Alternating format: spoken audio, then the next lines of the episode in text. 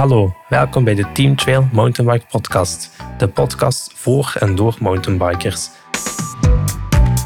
Iedere maand probeer ik een inspirerend persoon uit de mountainbike community uit te nodigen en neem ik jullie mee op een epische rit. Tune in en geniet van deze aflevering.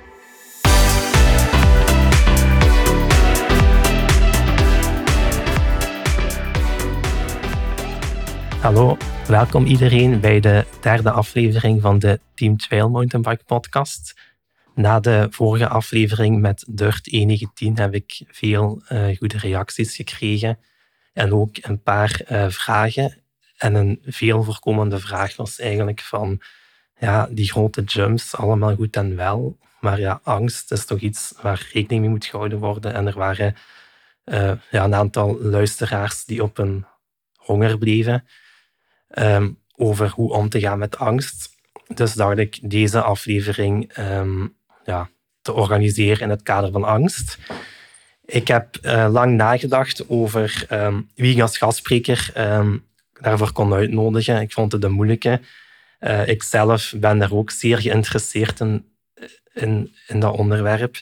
Dus heb ik uh, voor deze aflevering de rollen een beetje omgedraaid. Dus ik heb mezelf uitgenodigd en heb ik um, als host uh, Maxime Konings uitgenodigd. Um, ja, waarom heb ik Maxime uitgenodigd? Dat is ook iemand die bezig is um, met anderen te helpen, om anderen meer vertrouwen te geven en zo om ja, dat ieder de beste versie van zichzelf kan geven. Dus uh, welkom Maxime. Hey Ruben, merci om mij uit te nodigen op je podcast. Ja, dat is uh, heel graag gedaan. Um, dus in deze podcast, um, ik, we gaan op het begin een beetje over angst in het algemeen uh, babbelen. En dan daarna ga ik mijn zeven tips geven, specifiek voor het mountainbiken, maar ook die je in het dagelijks leven kan uh, gebruiken. En op het einde ga ik dan nog een extra bonus tip geven. Ik organiseer deze keer ook een winactie, waarbij je een Team Trail Mountainbike pet kan winnen maar meer info daarover volgt op het einde van de podcast.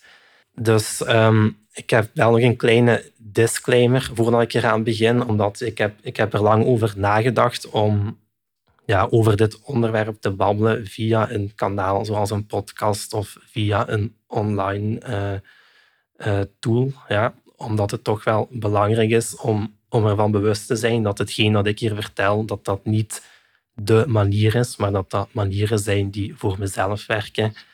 En dat dat ook altijd in een bepaalde context geplaatst moet worden. Dus dat je die dingen niet gaat overnemen in een andere context, wat kan leiden tot roekeloos gedrag. Dus dat is wel belangrijk om mee te nemen.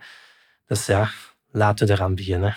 Prima, kijk er naar uit. Um, heel interessant om uh, een keer aan u, Ruben, de vragen te kunnen stellen. Um, maar ik stel voor dat we heel kort even um, de podcast van vandaag kaderen. Um, stel je eens voor, je bent aan het mountainbiken met vrienden. Je bent als eerste in de rij, maar plots rem je af.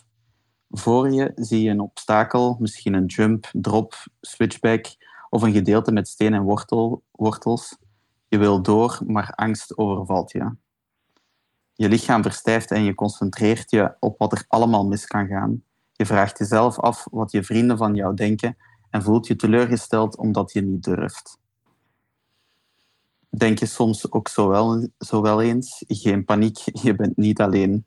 Of je nu een beginnende of een professionele mountainbiker bent, iedereen krijgt te maken met angst. En in deze podcast gaan we je enkele tips uh, met je delen om met deze angst om te gaan. Ja, inderdaad. Dit is iets wat vaak voorkomt bij iedere mountainbiker. Um, om ook nog even uh, ja, de inleiding te vervolledigen. Ik heb nog een boekentip van Craig Manning. Dat is een sportpsycholoog en uh, heeft een boek geschreven, The Fearless Mind. Dat is zeker een aanrader om ja, eens te lezen als je daar dieper op in wil gaan. Dus Ruben, vertel eens eerst, voordat we echt dieper ingaan op angst, wat betekent mountainbiken voor jou? Ja, dus mountainbiken is voor mij de ideale sport om verschillende redenen. Het eerste is ja, natuurlijk er is zowel een fysiek aspect als een mentaal aspect. Ja, het fysieke, er is een bepaalde basisconditie nodig om te kunnen mountainbiken. Ook er zijn veel intervallen. Ehm, ja, je bent conditioneel bezig. Ook het technische aspect is niet te onderschatten. Uh, mountainbiken is een sport die iedereen, allee, iedereen kan wel fietsen, maar naarmate het niveau uh, hoger wordt, worden die technische aspecten eigenlijk steeds belangrijker. En dat is ook iets dat mij enorm aantrekt. Ik ben altijd geïnteresseerd geweest in technische sporten. En dan ja, het, het andere aspect, het mentale aspect. Hè. Je kunt natuurlijk fysiek uh, sterk zijn, maar mentaal sterk zijn is ook heel belangrijk. Want ja, inderdaad, zoals in de inleiding, mm je komt regelmatig stukken tegen die angstaanjagend zijn, uh, waarbij je gedachten zeggen van nee, niet doen, terwijl je het wel heel graag wilt doen. En ja, het is eigenlijk een heel mooi evenwicht altijd om daarmee om te gaan en om jezelf te leren kennen van oké, nu ga ik het doen en nu niet. Mhm. En ja, met die angst omgaan, dat vind ik ook eigenlijk ja, leuk om daar beter en beter in te worden. En dan het derde, ja, natuurlijk uh, in de natuur vertoeven, uh, de vogels die fluiten, even alleen, je verstand op nul. Ja, dat zijn dingen die ik echt absoluut heel leuk vind. En ja, daarvoor is mountainbiken mm -hmm. voor mij de perfecte sport. Zeker en vast. Het is uh, heel plezant om u eigenlijk over mountainbiken te horen praten, Ruben. Want uh, het is overduidelijk dat het een heel grote passie van u is. En uh, heel chic dat je dat met zoveel mogelijk mensen wilt delen.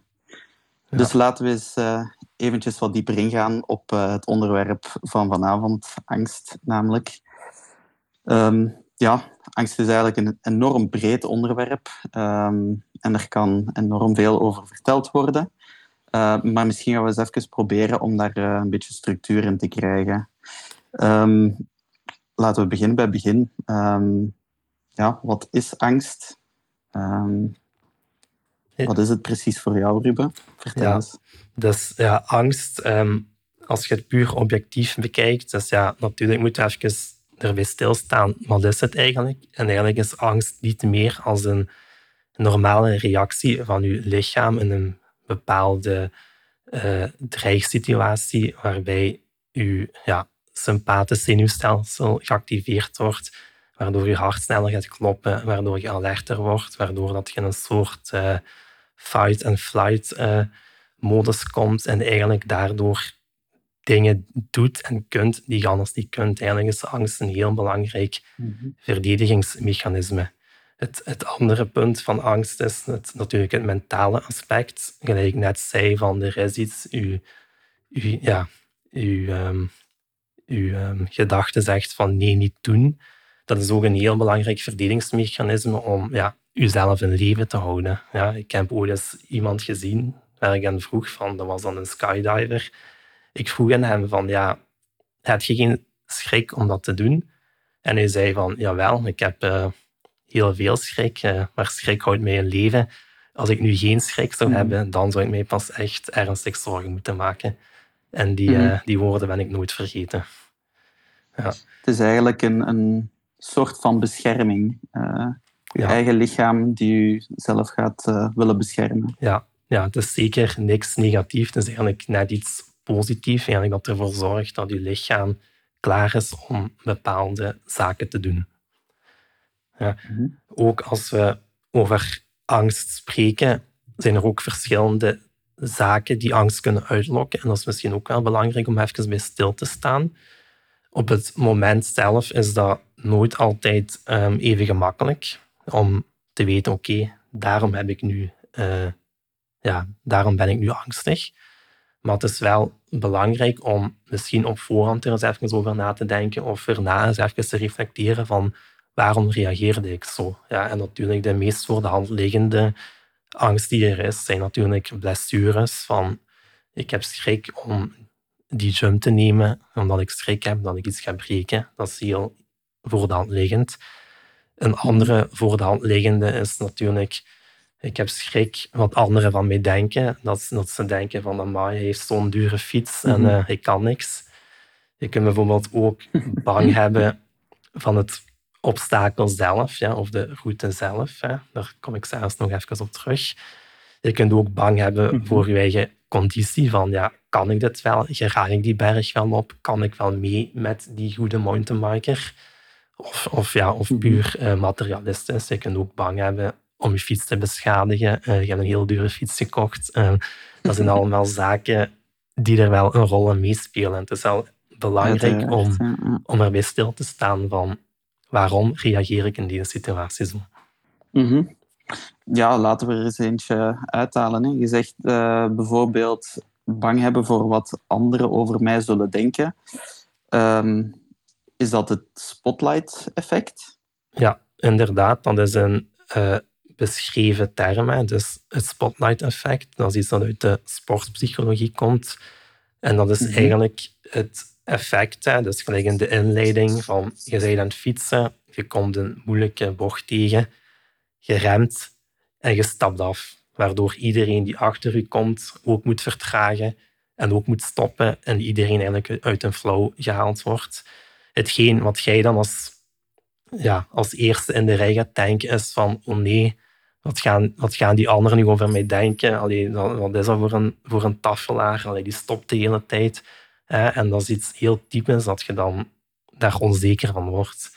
Ja, het goede mhm. nieuws is, er zijn studies hè, die aangetoond hebben dat eigenlijk de anderen daar niet mee bezig zijn. Dat de meesten bezig zijn in hun eigen gedachten, met hun eigen ding. Ja, van dat ze waarschijnlijk zelf in het denken zijn van oh, dat is wel een moeilijke bocht. En als er dan toch een minderheid zou zijn die denkt van allee, waarom stopt hij nu? Meestal duurt die gedachte niet langer dan een seconde. Dus tegen het moment dat jij denkt van oh nee, wat zullen ze van mij denken, is, er, is waarschijnlijk iedereen terug aan iets anders aan het denken. En ja. dat is zo typisch het spotlight-effect, um, wat ook wel regelmatig voorkomt. Typisch menselijk ook zeker. Ja, inderdaad. Um, er zijn ook wel oplossingen voor um, om daarmee om te gaan. En dat is natuurlijk als er iemand achter u komt en die doet het moeilijke stuk dan wel, dan kun je bijvoorbeeld vragen van hoe heb je dat gedaan? Ja, dat heeft twee voordelen. Je leert er zelf iets uit, want je krijgt een tip van iemand die het wel kan. En, en het tweede voordeel is van je verlegt eigenlijk de spotlight die op u was naar iemand anders in positieve zin. Dus dat is eigenlijk wel hm. een goede manier om daarmee om te gaan. Win-win voor iedereen. Ja. Oké. Ehm, dan zijn er misschien verschillende aanbevelingen om met angst om te gaan? Ehm, ja, ik heb er um, een zevental um, voor mijn eigen genoteerd, die ik met jullie wil delen. Mhm. Ik zeg niet dat dat de manier is, maar dat zijn wel de manieren die voor mij werken. Ja, dus zullen... Ik ben er zeker van dat die ook wel voor de andere mensen uh, kunnen helpen. Ja, de eerste um, ja, is mindset. Heel voor de hand liggend. En ik kreeg deze morgen nog een filmpje van u doorgestuurd van uh, Simon Simek. Uh, en daar ging het mhm. er eigenlijk over, over de skier die uh, door de bossen snel naar beneden skiet. En ik vond dat mhm. wel een mooi voor, voorbeeld. En dat is eigenlijk ook iets dat wij als mountainbikers regelmatig uh, leren. Eigenlijk, hè, van kijk naar waar je wilt gaan. Hè. Van kijk bijvoorbeeld um, in die scherpe bocht, kijk naar de uitgang van de bocht en kijk niet naar de, naar de afgrond. Mhm. Dat is hetzelfde in het voorbeeld van de skier. Als de skier die kijkt ook naar, naar waar hij moet gaan en hij kijkt niet naar de bomen. Want als je naar de bomen mhm. kijkt en wat gebeurt er, dan gaat je recht op de bomen af. Zoals het eigenlijk ja, identiek hetzelfde met, uh, met mountainbiken eigenlijk. Altijd u concentreren op uh, uw doel en niet zozeer op de obstakels. Ja, inderdaad. Ja. En ook in het dagelijks leven, als je naar de obstakels kijkt, ja, dan komen ze op je af. Dus je moet eigenlijk kijken naar hetgeen wat je wilt, naar, naar waar je naartoe wilt. Eigenlijk een heel algemeen tip mhm. eigenlijk. Ehm, ook het mhm. tweede stuk van mindset is natuurlijk de perceptie, hoe je naar iets kijkt. En ik zelf uh, ben er enorm gegroeid. Hè. Ik had hier in Genk had ik, um, een bos met allemaal jumps, uh, met drops van twee, drie meter hoog. En de eerste keer dat ik daar naartoe ging, ja, toen dacht ik van, ja, dit is onmogelijk.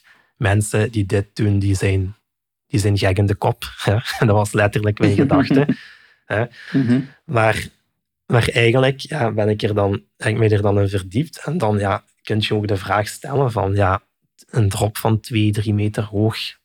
Oké, dat is hoog, maar is dat nu echt zo hoog? Allee, overdrijf ik het niet een beetje? Ja, en dan ben ik er op een bepaald mhm. moment anders naar beginnen kijken. Ook als je dan de, de aanloop uh, mee in rekening brengt. Van als je een, om, om een bepaalde snelheid die het erop doet van, een, van drie meter hoog, dan gaat je volgens de wetten van de fysica gaat je gewoon perfect neerkomen zonder iets te doen. Uh, dan zijn bijvoorbeeld dingen om, ja, om anders naar te kijken, om het niet altijd te, te mhm. dramatiseren en even ermee stil te staan van klopt het wel van wat ik hier denk. Mhm. ja. Precies. Nu, ik ben uh, eigenlijk blij dat je mindset um, als eerste aanbeveling uh, meteen aanhaalt. Want ik denk dat dat misschien ook wel de, de belangrijkste kan zijn. Um, want angst zou je eigenlijk in je voordeel telkens moeten kunnen gebruiken. Um, zoals dat je daarnet al hebt aangehaald, uh, angst is uh, noodzakelijk voor ons uh, om ons in leven te houden, om ons te beschermen. Um, dus wat gebeurt er met het lichaam als wij angst ondervinden? Dan angst geeft ons energie, adrenaline, zorgt voor een betere focus. Dus inderdaad, die angst kan u ook de kans geven om in een andere mindset terecht te komen, waar dat je uh, op een andere manier, uh, een positievere manier, uw, uw uitdaging uh, gaat bekijken en gaat durven aangaan. Ja, inderdaad, helemaal mee akkoord.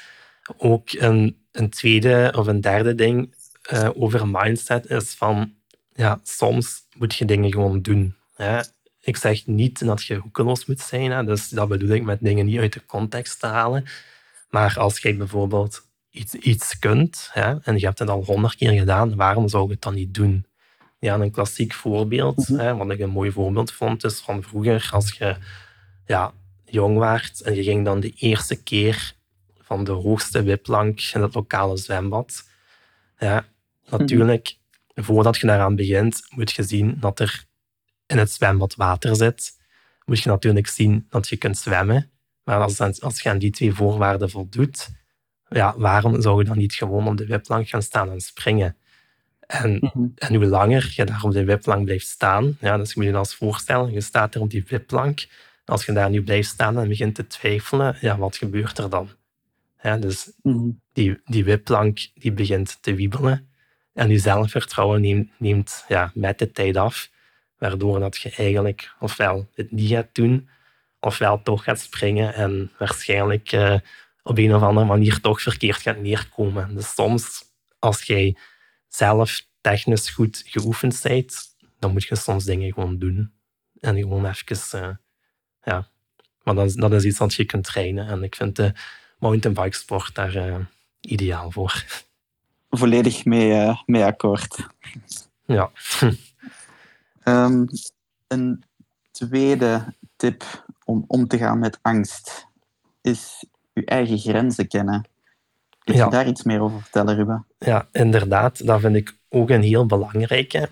En wat je daar mee bedoel is van, ja, bij het mountainbiken, ik denk dat iedere mountainbiker dat wel gehad heeft. Hè. Je hebt dagen dat alles lukt en je hebt dagen dat niks lukt. Hè. De dagen dat niks lukt, hè, dat je zoiets hebt van, ja, ik, ik voel het niet, wat, wat ben ik hier aan het doen? Ja, dan zijn gemakkelijke dagen om te herkennen. En dat zijn gewoon dagen waarbij je moet zeggen: Oké, vandaag gaan we rustig aan doen. We gaan geen extreme dingen doen. We gaan iets anders doen. We gaan bijvoorbeeld kegels op de grond zetten en ik ga mijn techniek oefenen. Of ik, ga, uh, ik pak mijn cross-country fiets en ik ga uh, conditie trainen. Ik ga zorgen dat mijn conditie goed is. Mm er zijn zoveel aspecten die je kunt trainen in mountainbiken. Dus dat zijn gewoon de dagen dat je moet zeggen, oké, vandaag niet. Mhm. De gevaarlijkere dagen vind ik de dagen de dagen dat alles lukt. Hè? Dat jij aankomt, je doet daar een jump, je, dat lukt perfect. Je doet de, de hoogste drop, dat lukt perfect. En je wilt altijd meer. Hè? En dat is iets heel herkenbaar van. Je wilt altijd meer en meer en chiquer en chiquer. En je denkt in je eigen van, ja, stem ga je er een filmpje van maken en op social media zetten. Um, ja, dat zijn de dagen dat je moet opletten en dat je bewust op de rem moet gaan staan. Want uiteindelijk gaat je meer en meer doen en uiteindelijk gaat je crashen. Dus dat is ook een belangrijk mhm. om te herkennen. Eigenlijk de, de beste dagen voor mij persoonlijk zijn eigenlijk de dagen dat ik daar ergens tussenin zit. Dat ik uh, beredeneerd risico kan nemen zonder echt uh, overmoedig te worden. Mhm.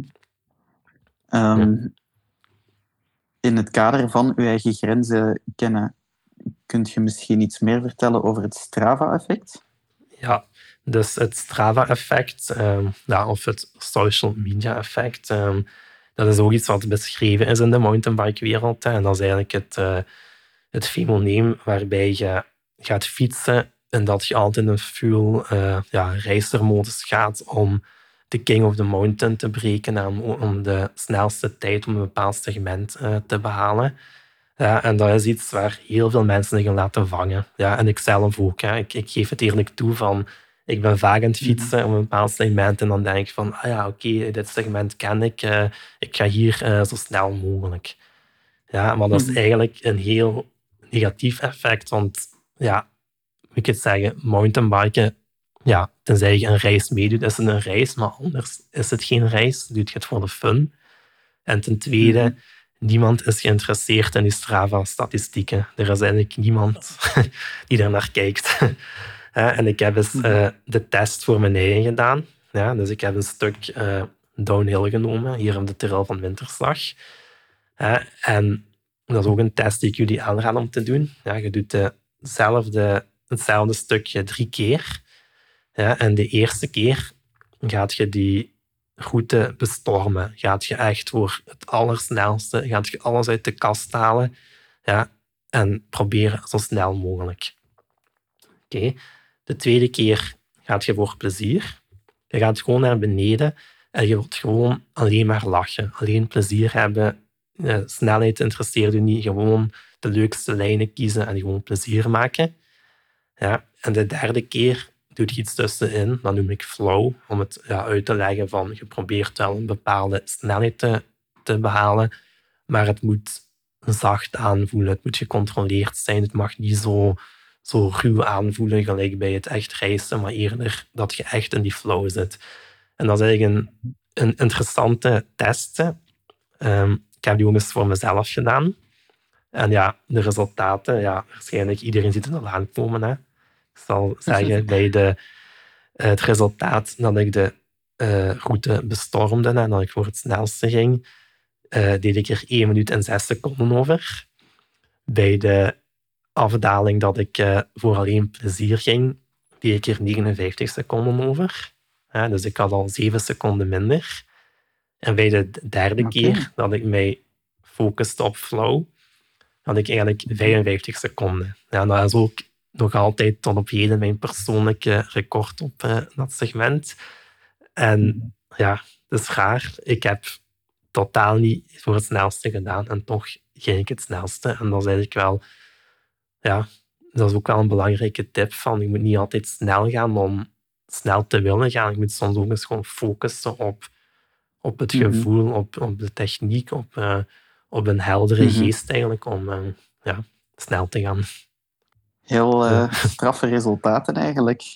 Dus bij deze is het duidelijk geen oproep om nu allemaal trachten Rubens zijn record van 55 seconden zo snel mogelijk te verbreken. Maar eigenlijk uh, die flow trachten te zoeken. Ja. En mogelijk dat dan Rubens zijn record wel verbroken wordt. Ja, ja voor de duidelijkheid, uh, het is, ik ben niet de recordhouder op dat segment. Uh, ik denk dat ik net in de top 10 sta, maar uh, het is geen race, voor de duidelijkheid. het is geen race, precies. Ja. Goed.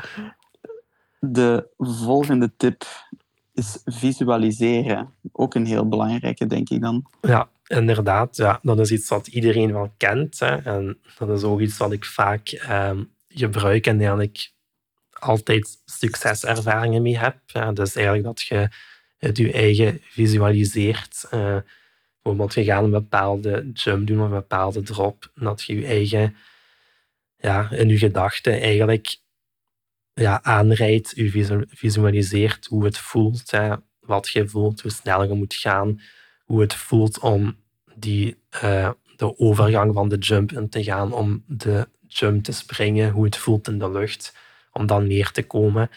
Dat is wel iets dat mij wel enorm helpt. Ja, en ik ben, ben niet de enigste. Heel veel succesvolle sporters gebruiken dat. De bekendste zijn uh, Michael Jordan bijvoorbeeld. Um, of uh, wereldkampioen skiën, Lindsey Vonn. Dat is ook iemand die daar enorm veel van gebruik maakt. Ik weet dat inderdaad visualiseren een enorm, enorm handig tool kan zijn. Um, en zeer belangrijk daarbij is dat je zo gedetailleerd mogelijk telkens gaat visualiseren. Daarbij bedoel ik dat je ja, alle zintuigelijke details um, best tracht te visualiseren. Um, ik zeg nu maar iets.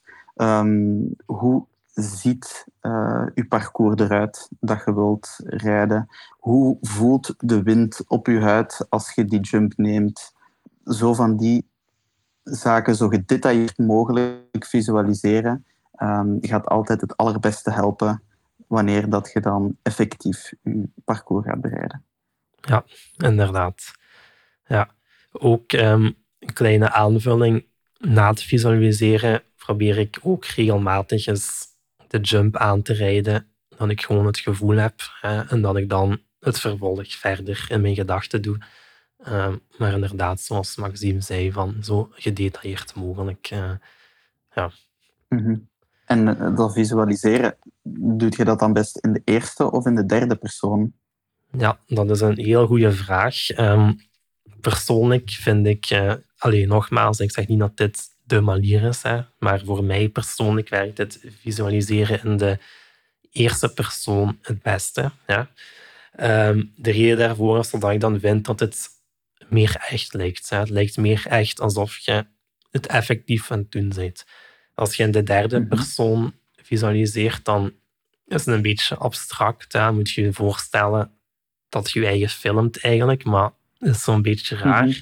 Maar waar je dat wel nuttig voor vindt, is bijvoorbeeld um, om het traject even te, ja, te scannen van staat er een boom in de landing, is daar een bocht achter, en dat je dat toch wel even aan gedacht hebt. Ja, dus daarvoor vind ik het wel nuttig, maar persoonlijk doe ik het eerder in de eerste persoon.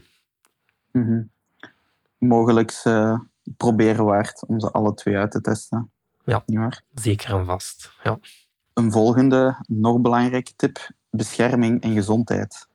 Ja, inderdaad. Ja. Bescherming is evident, maar een heel belangrijke als jij goed beschermd bent, je draagt een helm, je draagt uh, een rugbeschermer, je draagt bescherming voor je, voor je knieën of je benen, ja, dan gaat je automatisch uh, meer zelfvertrouwen hebben. Het is gewoon zo. Het is eigenlijk een heel gemakkelijke tip die eigenlijk een heel groot voordeel geeft. Natuurlijk is het wel belangrijk om dan ook je grenzen te kennen en niet uh, roekeloos uh, te zijn. Uh, hetzelfde is over gezondheid eigenlijk. Hè. En daar bedoel ik mee van, je bent geblesseerd, je bent ziek, je bent moe. Um, dat zijn allemaal um, ja, situaties waarbij het niet ideaal is om extreme dingen te gaan doen, om echt nieuwe dingen te gaan proberen. En ja, dat is wel belangrijk. Hè. Uh, ook als je geblesseerd bent, focus dan bijvoorbeeld op wat krachttraining, op uh, ja, ga, mhm. ga, eens iets anders doen. Ga eens uh, joggen om je conditie op peil te houden. want, want ik merk wel, um, als jij zelf um, ja, in een gezond lichaam zit, en je voelt je goed, je hebt goede conditie, je hebt goede kracht, dan heb je automatisch meer zelfvertrouwen. Dus mm -hmm. Ja, dat is eigenlijk een heel belangrijke. Van doe ook andere sporten tussendoor om zo mhm. op, optimaal te genieten eigenlijk van het uh, mountainbiken goed evenwicht zoeken. Ja, inderdaad. een volgende tip, Ruben, die je aanhaalt, is elimineer externe factoren. Ja, en, inderdaad, dat is ja, ook een simpele eigenlijk. Maar wat je daarmee bedoelt is van als jij aan het aanrijden bent voor de drop van drie meter hoog die je voor de eerste keer gaat doen, ja, dan wil je echt niet bezig zijn met is de wind niet te hard, uh, regent het niet te fel, uh, heb ik wel grip, is mijn fiets in orde, staat mijn vering aan. Uh, dat zijn dingen die je allemaal op voorhand kunt checken. Dus doe het dan ook op voorhand. Ja, dat zijn zaken waar je, waarbij je niet bezig wilt zijn als je iets voor de eerste keer gaat doen. Mhm. Als je iets voor de eerste keer gaat doen, dan wil je gewoon gefocust zijn op hetgeen wat je gaat doen en niet meer of niet minder. Dat is ik belangrijk. Ja, doe die dingen ook altijd in ideale omstandigheden. En ga dat niet doen in de regen. Ga dat niet doen als het waait. Doe dat op een dag dat de omstandigheden perfect zijn. Ja, en, mhm. en zorg ook dat je fiets in orde is. Want ja, het ergste wat kan gebeuren is van... Je doet iets met succes en dan begeef je fiets het. Ja, dat wil je ook niet voor hebben. Dus dat zijn dingen die je op voorhand uh, perfect in orde kunt maken. Mhm. Uiteraard. Ja. Mountainbiken zal vaak gedacht worden dat dat een sport is die men meestal alleen doet. Is dat terecht? Nee, dat, dat vind ik zeker niet. Ik vind, uh, ja, je zit natuurlijk alleen op de fiets, maar mountainbiken is iets wat je met uh, een groep doet. Ja, er zijn verschillende redenen voor. Uh, ja, de belangrijkste reden natuurlijk, als er iets gebeurt, als je pech hebt, er is iemand die je kan helpen. Als je dan toch alleen gaat, pak je gsm mee, belangrijk. Maar waarvoor het ook heel belangrijk is, is voor het vertrouwen. Als jij een groep hebt of iemand of een mountainbike buddy waarmee je altijd gaat mountainbiken en je staat bijvoorbeeld voor een technische bocht die jij ja, niet goed durft en je mm mountainbike buddy zegt van allee, doe dat toch, je kunt dat, ik heb je al zo vaak zien fietsen, ja, dat geeft je ook een enorme vertrouwensboost. En dat is misschien een van de allerkrachtigste eigenlijk. Hè. Als iemand die jij vertrouwt, u vertrouwen geeft, dat is eigenlijk heel belangrijk om ja, zelfvertrouwen te krijgen. Ook het omgekeerde. Als je iets gaat doen en die fietskameraad zegt tegen u van ja, uh, Ruben, ja, zou je dat wel doen? Is dat niet een beetje erover? Ja, aanvaard dat dan ook, want dat is ook een heel belangrijke. Vaak hebben die mhm. ook gelijk. dus dat betekent dat je ook uh, roekeloos bezig bent. Dus, uh, ja, vaak dus, hebben ze iets door wat dat je ja. zelf een beetje blind voor bent of zo. Ja, inderdaad. ja, nu, ik neem aan dat, dat niet iedereen altijd iemand heeft om, uh, om samen mee te gaan mountainbiken. Ik denk dat het dan ook wel heel belangrijk is dat iedereen, alle luisteraars, dat ze allemaal weten dat Team Trail Mountainbike er voor die personen ook is. Ja, um, inderdaad. Dat, uh, dat is de hele reden waarom, denk ik, Ruben, dat jij um, hiermee gestart bent. Om net ja, de mensen te helpen in hun mountainbike-avonturen en om hun zelfvertrouwen te kunnen geven door podcasts te maken, video's te maken, eventueel evenementen te organiseren. Wie weet wat, uh, wat de toekomst nog allemaal gaat brengen. Hè? Ja. Maar um, ja, ja Trail Mountainbike is een uh, community uh, die elkaar ondersteunt. Dus ja. als je niet meteen iemand, een partner hebt om mee te gaan mountainbiken, weet dan dat Team Trail Mountainbiker sowieso is. Hè? Ja, om een klein tipje van de sluier nog te lichten. Ik ben ook bezig met het ontwikkelen van een mountainbike app waarbij er uh, uh, gefocust wordt ook op de sociale component. En omwille van uh, deze reden eigenlijk. Heel, heel boeiend, Ruben. Ja. wie weet komt dan nog in meer detail ter sprake in een van de volgende podcasts. Ja, zeker en vast. Ja. Maar we zitten nu nog in de volle ontwikkelingsfase. Dus daar is binnenkort meer nieuws over. heel spannend, heel spannend. Um, de laatste tip die je zou willen meegeven, Ruben, ja. um, voor de luisteraars, is verander de context. Ja. Wat houdt dat juist in? Ja, inderdaad. Um, ja, nogmaals, de tips die hier besproken worden, zijn ook tips die in het dagelijkse leven eigenlijk toegepast kunnen worden. Maar deze vind ik ook wel een heel mooie. Ja, en om gewoon een concreet voorbeeld te geven. Ik heb hier uh, bij mij in de buurt heel lang voor een bepaalde uh, technische uh, stijl switchback gestaan. Ja, en waar ik steeds naartoe reed en dat ik zei tegen mijn eigen, nee, vandaag niet. En ik denk dat je dat misschien, zonder te overdrijven, misschien dertig keer gedaan hebt. Ja. en, wat soms belangrijk is, is gewoon om de context te veranderen. Hè. En wat ik daarmee bedoel, is van, mhm. ga fietsen op verplaatsing. Ja. Ga bijvoorbeeld naar de Ardennen. En dan kom je soms dezelfde type bochten tegen in een andere context, die je dan eigenlijk wel zou doen. En nu daardoor er eigenlijk wel over kunt zetten om het te doen. En dat is bij mij ook zo overkomen. Ik ben dan naar de Ardennen geweest. Ik heb daar een paar zwarte routes gereden. En ik kwam terug. En ik kon die moeilijke bocht kon ik opeens eigenlijk zonder probleem, terwijl ik er uh, ervoor kei vaak voorgestaan heb en mhm. nooit gedurfd heb.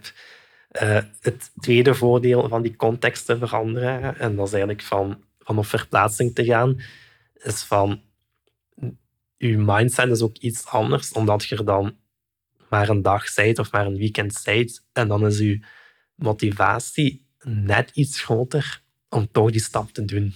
Dus dat vind ik wel een belangrijke. Ja, mm daarvoor ook nog een oproep uh, aan uh, ja, alle schepenen van sport uh, in de verschillende gemeenten en Sport Vlaanderen van investeer in goede mountainbike trails, zodat er goed afgewisseld kan worden en zodat mensen een goed niveau kunnen behalen. Heel terecht uh, oproep volgens mij. Ja.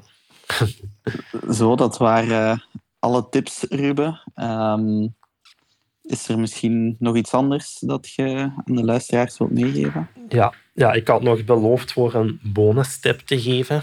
Ja. En mhm. dat vind ik eigenlijk... Voor mij is dat een tip die heel goed werkt. Hè. En dat is uh, van hoe ervaren jij ook zijt. Uh, ook al heb jij 15 jaar ervaring, ook al zijt je uh, ja, een professionele mountainbiker. het is altijd heel nuttig om in de gedachten van een beginner te kruipen. Ja. En daarmee bedoel ik van, als jij begint met mountainbiken, dan heb je bepaalde vragen over bepaalde technieken.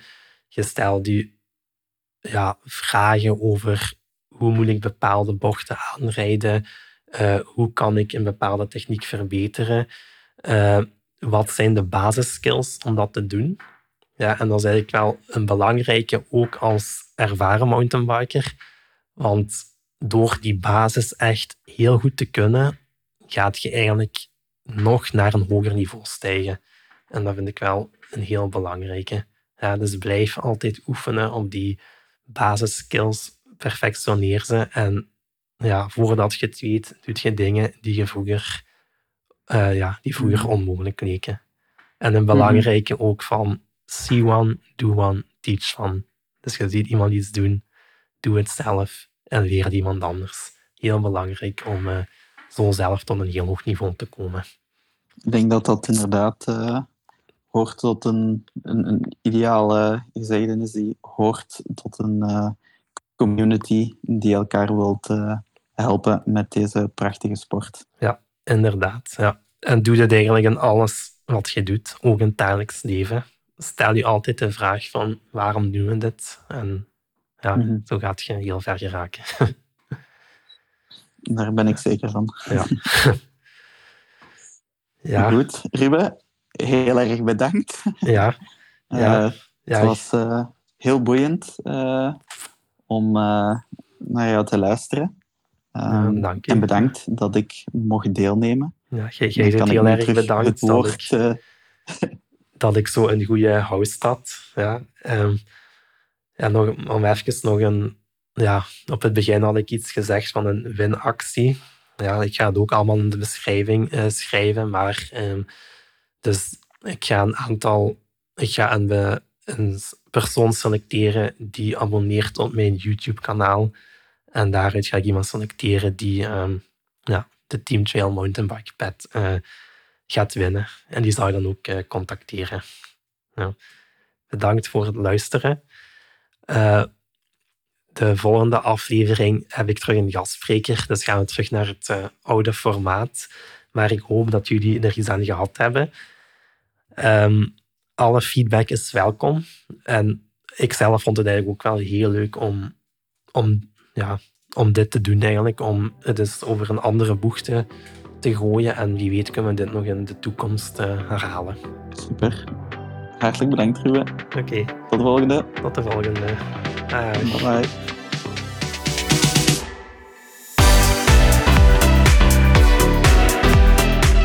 Hopelijk hebben jullie genoten van deze podcast. Volg ons op onze social media kanalen op Instagram, Facebook en YouTube. Vergeet zeker niet een kijkje te nemen op onze website teamtrailmtb.com. Volgende maand zal ik opnieuw aan de partij zijn, waarbij ik weer een interessante gastspreker uit de mountainbike community zal uitnodigen. Bedankt voor het luisteren en tot de volgende keer.